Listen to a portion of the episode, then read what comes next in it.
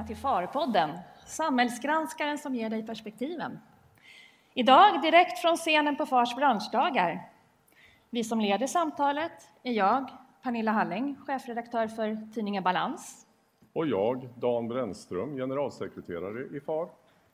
Dan, det här att sända poddar live, det är lite nytt för oss. Det är nytt. Ja, hur och känns lite, det? Ja, lite nervöst. Lite läskigt. Vi försöker dölja det bara. Ja, vi blir inte bara lyssnade på utan tittade på också. Ja, ja, det har vi aldrig varit med om.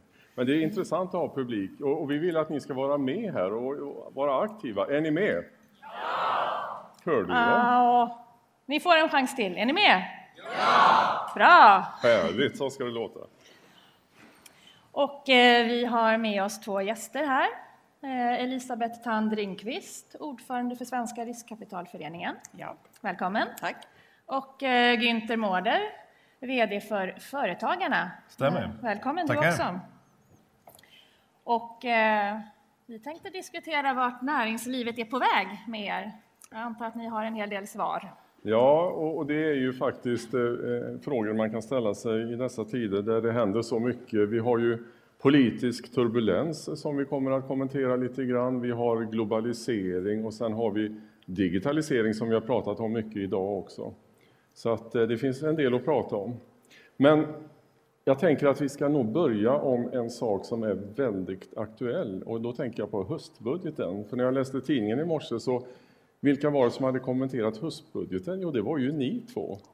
Det kan vara så. Ja, och, och ni var inte så där översvallande positiva över en sån här offensiv eh, Nej. budget? Va? Varför inte? Nej. Jag tycker att den, eh, den här regeringen har ju då höjt skatterna för företagandet med 30-40 miljarder. Jag har inte riktigt eh, super exakta siffror, men eh, och eh, inte sänkt dem så mycket. De har gjort, I den här budgeten presenteras två förslag som är halvdana. De, man kan, liksom, man kan liksom kryssa i rutan att säga att ja, men det är någonting för företagandet. Optionsprogram som är jätteefterlängtat för sådana företag som vi investerar i. Dock är det alldeles för dåligt, så det är för få som kommer att kunna investera. Eh, företagen kommer växa ur det alldeles för snabbt och jag vet inte riktigt hur ni som jobbar med våra portföljbolag kommer liksom kunna hantera det här optionssystemet. Men det kommer bli en annan fråga. Mycket att göra kommer det bli i så fall. Och det här avdraget för den första anställda så vet jag, det är inget bra. Nej, Günther, är, Nej, du lika, jag- är du lika nöjd? Nej, men jag, jag tyckte att jag tog i så jag nästan sprack av, av positivism. Jag träffade Niklas eh, här bakom scenen han- och, och han, han var lite kritisk. Eh, Men jag sa Var så han här, kritisk mot budgeten? nej mot mina uttalanden, jag, jag sa att det fanns godbitar. Sen så råkade jag säga innan att det här är en förlorad mandatperiod i ett ekonomiskt perspektiv för företagare. Men i årets budget, höstbudget, så fanns det godbitar. Eh? Den största godbiten är ju det som inte fanns med, alltså stoppandet av entreprenörsskatten. Och där har vi känt oss ganska ensamma från, från företagarnas sida att faktiskt jobba aktivt för att få, de här, eh, få till stånd ett, ett stopp av den. Och jag tror att många av er här inne är nog väldigt glada över att vi nu har lyckats ro det där i hamn. Men det var synd att det skedde under galgen. Det var fortfarande på presskonferensen så när Magdalena Andersson, som för övrigt kommer imorgon, va? Och Ja. det tycker jag ni ska testa henne på. Det var under galgen som hon presenterade hur man drog tillbaka den här reformen. Det fanns ingen insikt i om att det här kanske inte var ett bra förslag. Att rikta en skatt om ursprungligen 5 miljarder var ju utredarens förslag mot Sveriges små fåmansföretagare. Det är inte rätt väg framåt.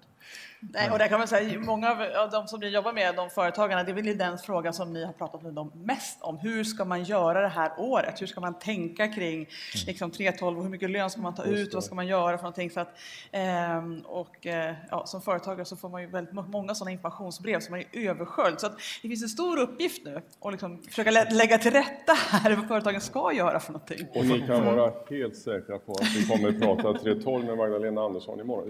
Det, det fanns ju bra, men det fanns ju bra inslag i, i det förslaget som, som nu drogs tillbaka. Och det kan hon ju Absolut. fortfarande fullfölja kring generationsskiften sånt. Absolut. Men, men jag skulle också vilja skicka med en fråga till Magdalena Andersson. För hand upp här, är det någon av er som har rekommenderat era kunder att plocka ut lite extra utdelning i år innan ni visste att det här förslaget skulle gå igenom? Hand upp, är det någon som har gjort det? Det är några stycken. Så vi kan misstänka att det kommer rinna in en hel del extra skattekronor i år. Vilket kommer synas när Ekonomistyrningsverket kommer tillbaka efter nyår och konstaterar att ja, men det kommer in lite mer pengar än vad vi förväntade oss år 2018. Var inte det ganska smart gjort? Lysande! Alltså att, att driva hot i politiken Ja. för att kunna öka intäkterna inför ett valår och överraskas över vilket enormt reformutrymme man har. Men det där blir en, en backlash nästa år. Ja. Men vi ska prata med finansministern om det imorgon. Men, men vad tycker ni annars om den politiska situationen i Sverige? Eh, Sorglig. Hur menar Punkt. du då? Nej, men det är bara att titta på den instabilitet vi har. I Småföretagsbarometern som vi släpper varje år så frågar vi vilka är de främsta tillväxthindren för dig som företagare? Och nu de senaste två åren så har politisk instabilitet funnits med i topp fem. Jag trodde aldrig att jag skulle få uppleva det under min livstid i Sverige. Att företagare skulle säga att jo, politisk instabilitet, det är ett stort hinder i Sverige för att kunna växa. Och det har att göra med den här ryckiga politiken som har blivit till följd av att man inte har sökt en majoritet för de förslag som man går fram med. Utan man till och med går fram med förslag där man vet att du har en majoritet emot dig. Och det blir väldigt förvirrat, för människor agerar ju utifrån den information som man får. Eh, Och vi är vana vid att presentera en regering någonting så är det oftast förankrat. Vad Det tänker är du svårt för de flesta, och, och, för de flesta, eh, både småföretagare men även investerare och de som tittar på oss från utomlandet, att eh, förstå om ett förslag från regeringen är ett förslag för diskussion eller ett förslag för genomförande. Och det gör ju att eh, för förr, förr, för länge tillbaks, så hade vi ett utredningsväsen som faktiskt funkade bättre. Och jag är nog beredd att säga att man måste ha fler jobbigt långa parlamentariska utredningar, att man sätter ihop partier som faktiskt kommer överens, och så lägger man fram ett förslag som är väl genomarbetat. Så otroligt många förslag som har kommit det här senaste två åren som var så dåligt genomarbetade, så det är klart att de inte går att genomföra. Alltså en annan sak var ju finansskatten, eller bankskatten, eh, som också var ett sådant undermåligt förslag. Och det där är ju, så den ryckigheten, och så, precis som du säger också parat då med att, att det dessutom finns en, en hela tiden diskussion vem som ska regera, hur ska man regera framtiden, eh, som då blir det politiska spelet, diskussionen, de två eh, bidrar ju till den här osäkerheten för både de små företagen i Sverige men också de som vill investera i företag i Sverige. Mm. så det var bättre förr. Jag tror att vi, vi kommer aldrig komma till, jag, min bedömning är att vi kommer aldrig komma tillbaka till ett läge där vi var eh, tidigare men eh, med liksom majoritetsregeringar. Eh, och vad det blir istället, det vet man inte riktigt. Är blockpolitiken förlegad? Tror du? Svårt att svara på den frågan faktiskt. Ja. Det beror, på- ja, nej, det, jag, jag tror att det, det bästa är nog att, att partier går fram med sina valmanifest på egna ben och sen så får, får de som har fått majoritet komma överens efteråt. Men blockpolitiken bidrar ju till den här ryckigheten som vi har sett kring 3.12 till exempel. Nej, det gör det inte det. Jag tycker att 3.12 är framförallt ett dåligt genomarbetade förslag som bidrar till det. Ja, fast det, det kommer ju nya initiativ kring 3.12 så fort man byter regering verkar det som. Ja. Men du Elisabeth, jag är lite nyfiken. Du som varit en del av den inre kretsen i Centerpartiet. Saknar inte du politiken nu när det händer så mycket? Det är så rörigt. och jag gillar att vara med och styra upp saker. Det kanske är, nej det gör jag faktiskt inte. Jag, jag är jätteglad över att jag gått tillbaka och blivit företagare och investerare istället. Eh, Så eh, jag eh, la 20 glada år på det, men som fritidspolitiker och liksom på insidan. Och nu sen sju år tillbaka så är jag faktiskt helt borta från politiken. Så det, jag tycker det är Jaha. väldigt skönt att vara på läktaren. Du, du är inte C-märkt längre? Nej, Nej, okej. men Men- viss historik får man ändå säga. C-historik har du fortfarande. Men du har ju också lite historik Günther. Du var ju med i två partier ett tag minns jag. Ja, jag betecknar mig själv som socialmoderat i min inställning. Då. Eh, Jag är medlem i Socialdemokraterna och Moderaterna det verkar störa mer andra eh, och framförallt politiskt aktiva verkar tycka att det här är väldigt, eh, väldigt jobbigt. För mig så är det en yttring för ett politiskt intresse, att vilja ta del av information. Eh, Och, men- gå, och gå på alla kongresser. Ja, det kan man ju göra visserligen genom andra vägar, men att kunna få ta del av det lokala samtalet, att förstå vad som händer på det lokala planet, nej det får du inte ta del av. Och det är rätt spännande att kunna jämföra två stora partier och skillnaden i retorik. Och jag menar, Elisabeth är min företrädare på Företagarna och då reser man ju runt i den rollen på alla kongresser.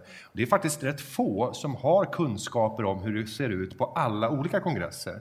Alla parti eh, engagerade blir ju väldigt nyfikna på att höra, ja men berätta, hur är det på det här partiet? Vilka har de bästa festerna? Var fattar man bäst beslut, liksom snabbast på att kunna agera i utskotten? Eh, för det är rätt få som har de erfarenheterna och det får man om man är intresserad och man ser till att faktiskt resa ut och finnas på stämmor och kongresser. Och.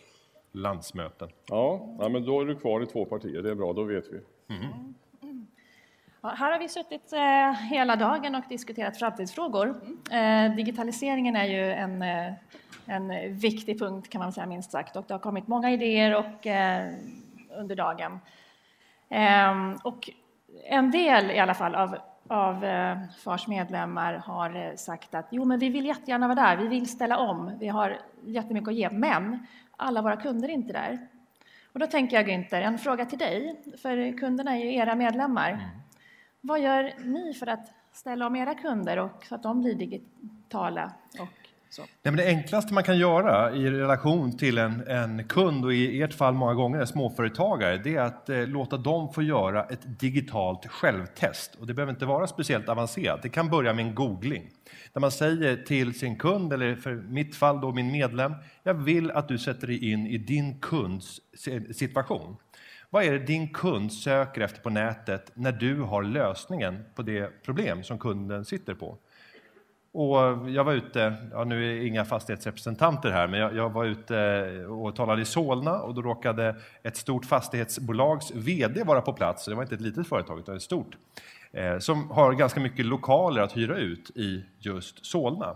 Eh, varpå han gjorde en sökning, hyra kontor, Solna, och konstaterade att det här största, den största aktören på marknaden var på plats sju när man googlade.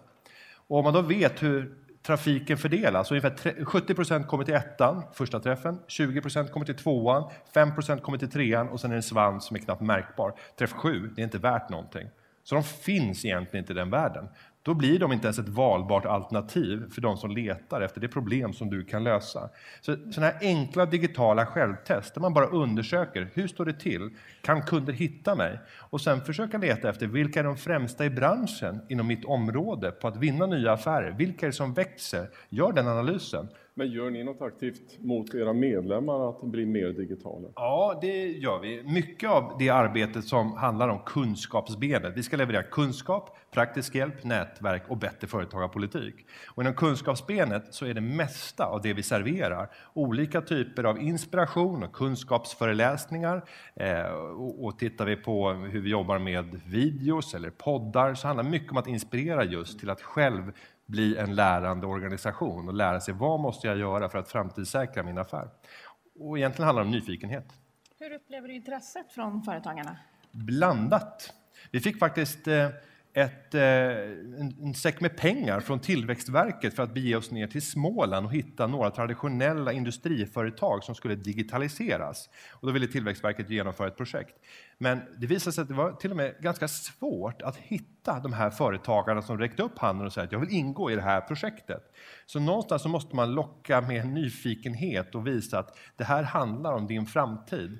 Eh, och kunna visa upp exemplen som finns i den branschen där den här personen verkar och vad de gör och visa krasst på siffrorna. Hur snabbt växer den här affären? Hur ser det ut med lönsamheten? Hur kommer det sig att de har dubbelt så hög lönsamhet som ni har? Växer tre gånger fortare? De gör någonting annorlunda. Skulle ni vilja kopiera någonting av vad de där gör? Ja, då ska ni börja på det här sättet. Så det handlar mycket om att locka till att vilja ta åt sig kunskaper. Ja, och vi, vi har ju som sagt pratat mycket digitalisering här idag och vi har också eh, sett och hört om att, att eh, verksamheter i vår bransch nu inte definierar sig längre som en revisionsbyrå eller redovisningsbyrå utan som techföretag. Och då tänker jag på Elisabeth, du jobbar ju mycket med detta. Berätta om det, det låter ju väldigt spännande. Ja, jag är senior advisor på ett företag som heter NFT Ventures. Det är en, eh, ett venturebolag som alltså investerar i olika typer av fintechbolag. Vi har 35 bolag och jag vet att Capsito är ett av de bolag som har varit här och pratat idag. Eh, och eh, vad, vad vi gör är att vi försöker fundera på vad, hur ska beteendet på den finansiella marknaden se ut framöver? Och det kan vara allt från att eh, obligationer kommer att ges på, kunna ges ut på ett annat sätt, eh, enklare, mindre kostsamt att göra den här prospekten. Eh, det finns direkt konkurrerande tjänster såklart med det som är de stora eh, redovisningssystemen som många av er jobbar i. Jag tror att den, och så vi har ju tävlingen också, årets liksom, eh, framtidsbyrå. Det tycker jag är jättebra, jag hade förmånen att vara med den första eh, juryn där. Och men det finns ju någonting som som digital, de som kommer bli bäst på digitalisering är de som både kan använda tekniken och humankapitalet och säkerställa att man tar bort allting det som är ganska tråkigt och enkelt att göra och det som kunder kan göra och ska göra själva. Och där är ju liksom förmågan till den pedagogiken som ni jobbar med, för det ni är närmast småföretagens vardag, eh, jätteviktig. Och jag, eh, min pappa, när jag startade företaget nu, när jag lämnade företagen för två år sedan, eh, så drev jag och min far då vårt familjeföretag tillsammans och så sa jag åt honom att han var 75 då, så du måste flytta över i molnet. Ja, sa han. Är det liksom Går, det- går, det? är det säkert? Ja, nej, men det gjorde han det. Han, han insåg att det var jätteenkelt Mm. att sköta eh, allting i molnet. Så då gjorde vi det och eh, mycket kunde vi sköta digitalt. Eh, Sen gick han bort nu i våras och då kom jag till ett läge där hela, hela familjeföretaget och vår kontakt med vår revisor blev jätteviktig och även den redovisningsbyrå som jag sen gick till. De människorna fick liksom vara en del av den här processen av att eh, hela familjen, alltså skifta bolaget, sälja vissa delar, eh, vad skulle jag plocka ut till mig eh, i mitt bolag och, hela den här omstruktureringsprocessen och då blir helt plötsligt liksom revisorn någon sorts nära eh, eh, säga, nästan som psykologhjälp i just Lite- den delen av processen. också. Nej, men just den delen av processen. Det är så mycket annat som andra hanterar. Men här kommer ju ni allra, allra närmast. Och det är parat med digitaliseringen. För att tid att göra det, det, det ena, det svåra. Också många av våra företag som har ganska komplicerade affärer fast de är rätt små. Det är också sånt som de kommer sköta rådgivning och som alla som jobbar då med, med eh, bokföring, revision, redovisning måste vara jätteduktiga på att förstå. Ja, men om investerar man utomlands, hur gör man det? Eh, onoterade bolag, hur funkar det? Optioner, obligationer, eh, sånt som man kanske bara större bolag har gjort tidigare. Det kommer man se på många, många småbolag. Men du sa till oss innan här, och, och det tycker jag är väldigt intressant att få höra, att du, du ser nu nya företag som börjar komma med affärsidéer, affärsmodeller som utmanar vår traditionella bransch också. Ja, ja, ja, oh ja. Eh, många av de redovisningsappar, de eh, eh, eh olika typer av kvittoappar och hantering av redovisning som ser väldigt enkel och bra ut, den bygger också på ny teknik. Och en del utav, jag kan se att en del av de gamla bokföringssystemen, de har ju samma problem som bankerna. De är som byggda på gammal teknik och att göra om dem är jättedyrt och kostsamt. Men de här nya är ju liksom ett, det är ett klick bort hela tiden. Tekniken tänker alltid, hur gör jag det här så enkelt för den som är kund som möjligt? Inte för mig som ska administrera det. Och hela tiden tänka på det sättet, det är det som kommer att vara framgångsrikt. Vi har ju i alla fall ett, en eh, FAR-medlem här som eh, driver ett sånt här techbolag som vi hörde innan idag. Just det. Vint. Ja. Eh, är det någon mer möjligen som skulle kunna tänka sig att bli ett techbolag? Hur Räck många upp- jobbar på ett techbolag? Räck upp handen. Nej, Ja, det var någon, någon hand Tre, fyra. okej. Där Även, även, Ja. bank, även banker Fem. idag definierar sig som techbolag. De, de inser att liksom techdelen i deras erbjudande är det absolut viktigaste för att nå, nå kunden. Eh, och att göra just det här att hela tiden jobba med det som, liksom förenklar. Hur säkerställer man kopplingarna mellan Skatteverket och jag gör det på det ena sättet? Att det är så få led emellan som möjligt. Och då kommer man också få, för faktiskt är det så att en del av de här som inte vill bli digitaliserade eller som eh, gillar tech så mycket idag, de har helt rätt. Det är för krångligt, det är för fult, det går för långsamt. Eh, och därför behövs de här nya företagen. Så se till att man liksom tittar på dem, var nyfikna på dem och eh, samarbeta med dem. Men- sen tror jag också att eh, ett sånt här samtal när vi står och pratar om liksom, digital utveckling, techbolag och liknande, det kommer vi skratta åt rätt mycket i efterhand. Ja. Eh, för vi går ju inte och säger, snälla någon, kan någon sätta på det elektriska ljuset? Sätt på ljuset. Alltså det handlar inte om digital strategi eller digital kommunikation, det är strategi, det är kommunikation. Alltså det, att lägga till det där epitetet känns nästan redan idag eh, väldigt konstigt. För att vi har redan fått två världar som har smält samman, tack och lov, och blivit ett. Eh, Så att man, man kan inte jobba med två helt separata spår. Fast så i en- övergången så finns det en poäng att säga att man tar ett digitalt kliv. Jag tror att nog att eh, många behöver ha det som en, och att det är en övergångsfas. Eh, Så därför får man nog prata om att sätta på det elektriska ljuset Elektriska ljuset. Man befinner sig på väldigt olika nivå. En del är här framme och andra är väldigt långt bak. Ja. Så det är väl... Men, men vi tangerar ju no någonting som vi har sett en tid nu, konvergens mellan olika branscher. Vi har ju sett hur revisionsbyråer köper PR-byråer och IT och telekom går ihop. Va, va, kommer det här att fortsätta? Va, vad är det vi ser framför oss? Blir det en enda bransch till slut?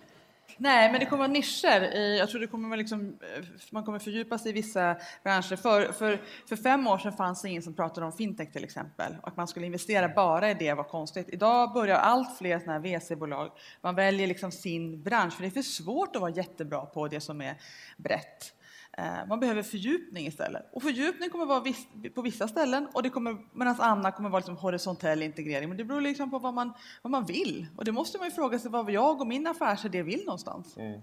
Jag tror att vi kommer få se stora bulkföretag som fortsätter att liksom erbjuda bredden i ett baserbjudande. Och där kommer de dominera den stora affären. Men sen kommer det födas så många olika små nischer, för det är så lätt att matcha. Idag om man vill ha, ha rätt på den bästa byrån som jobbar med en mycket, mycket specialiserad fråga, så finns urvalet hela världen.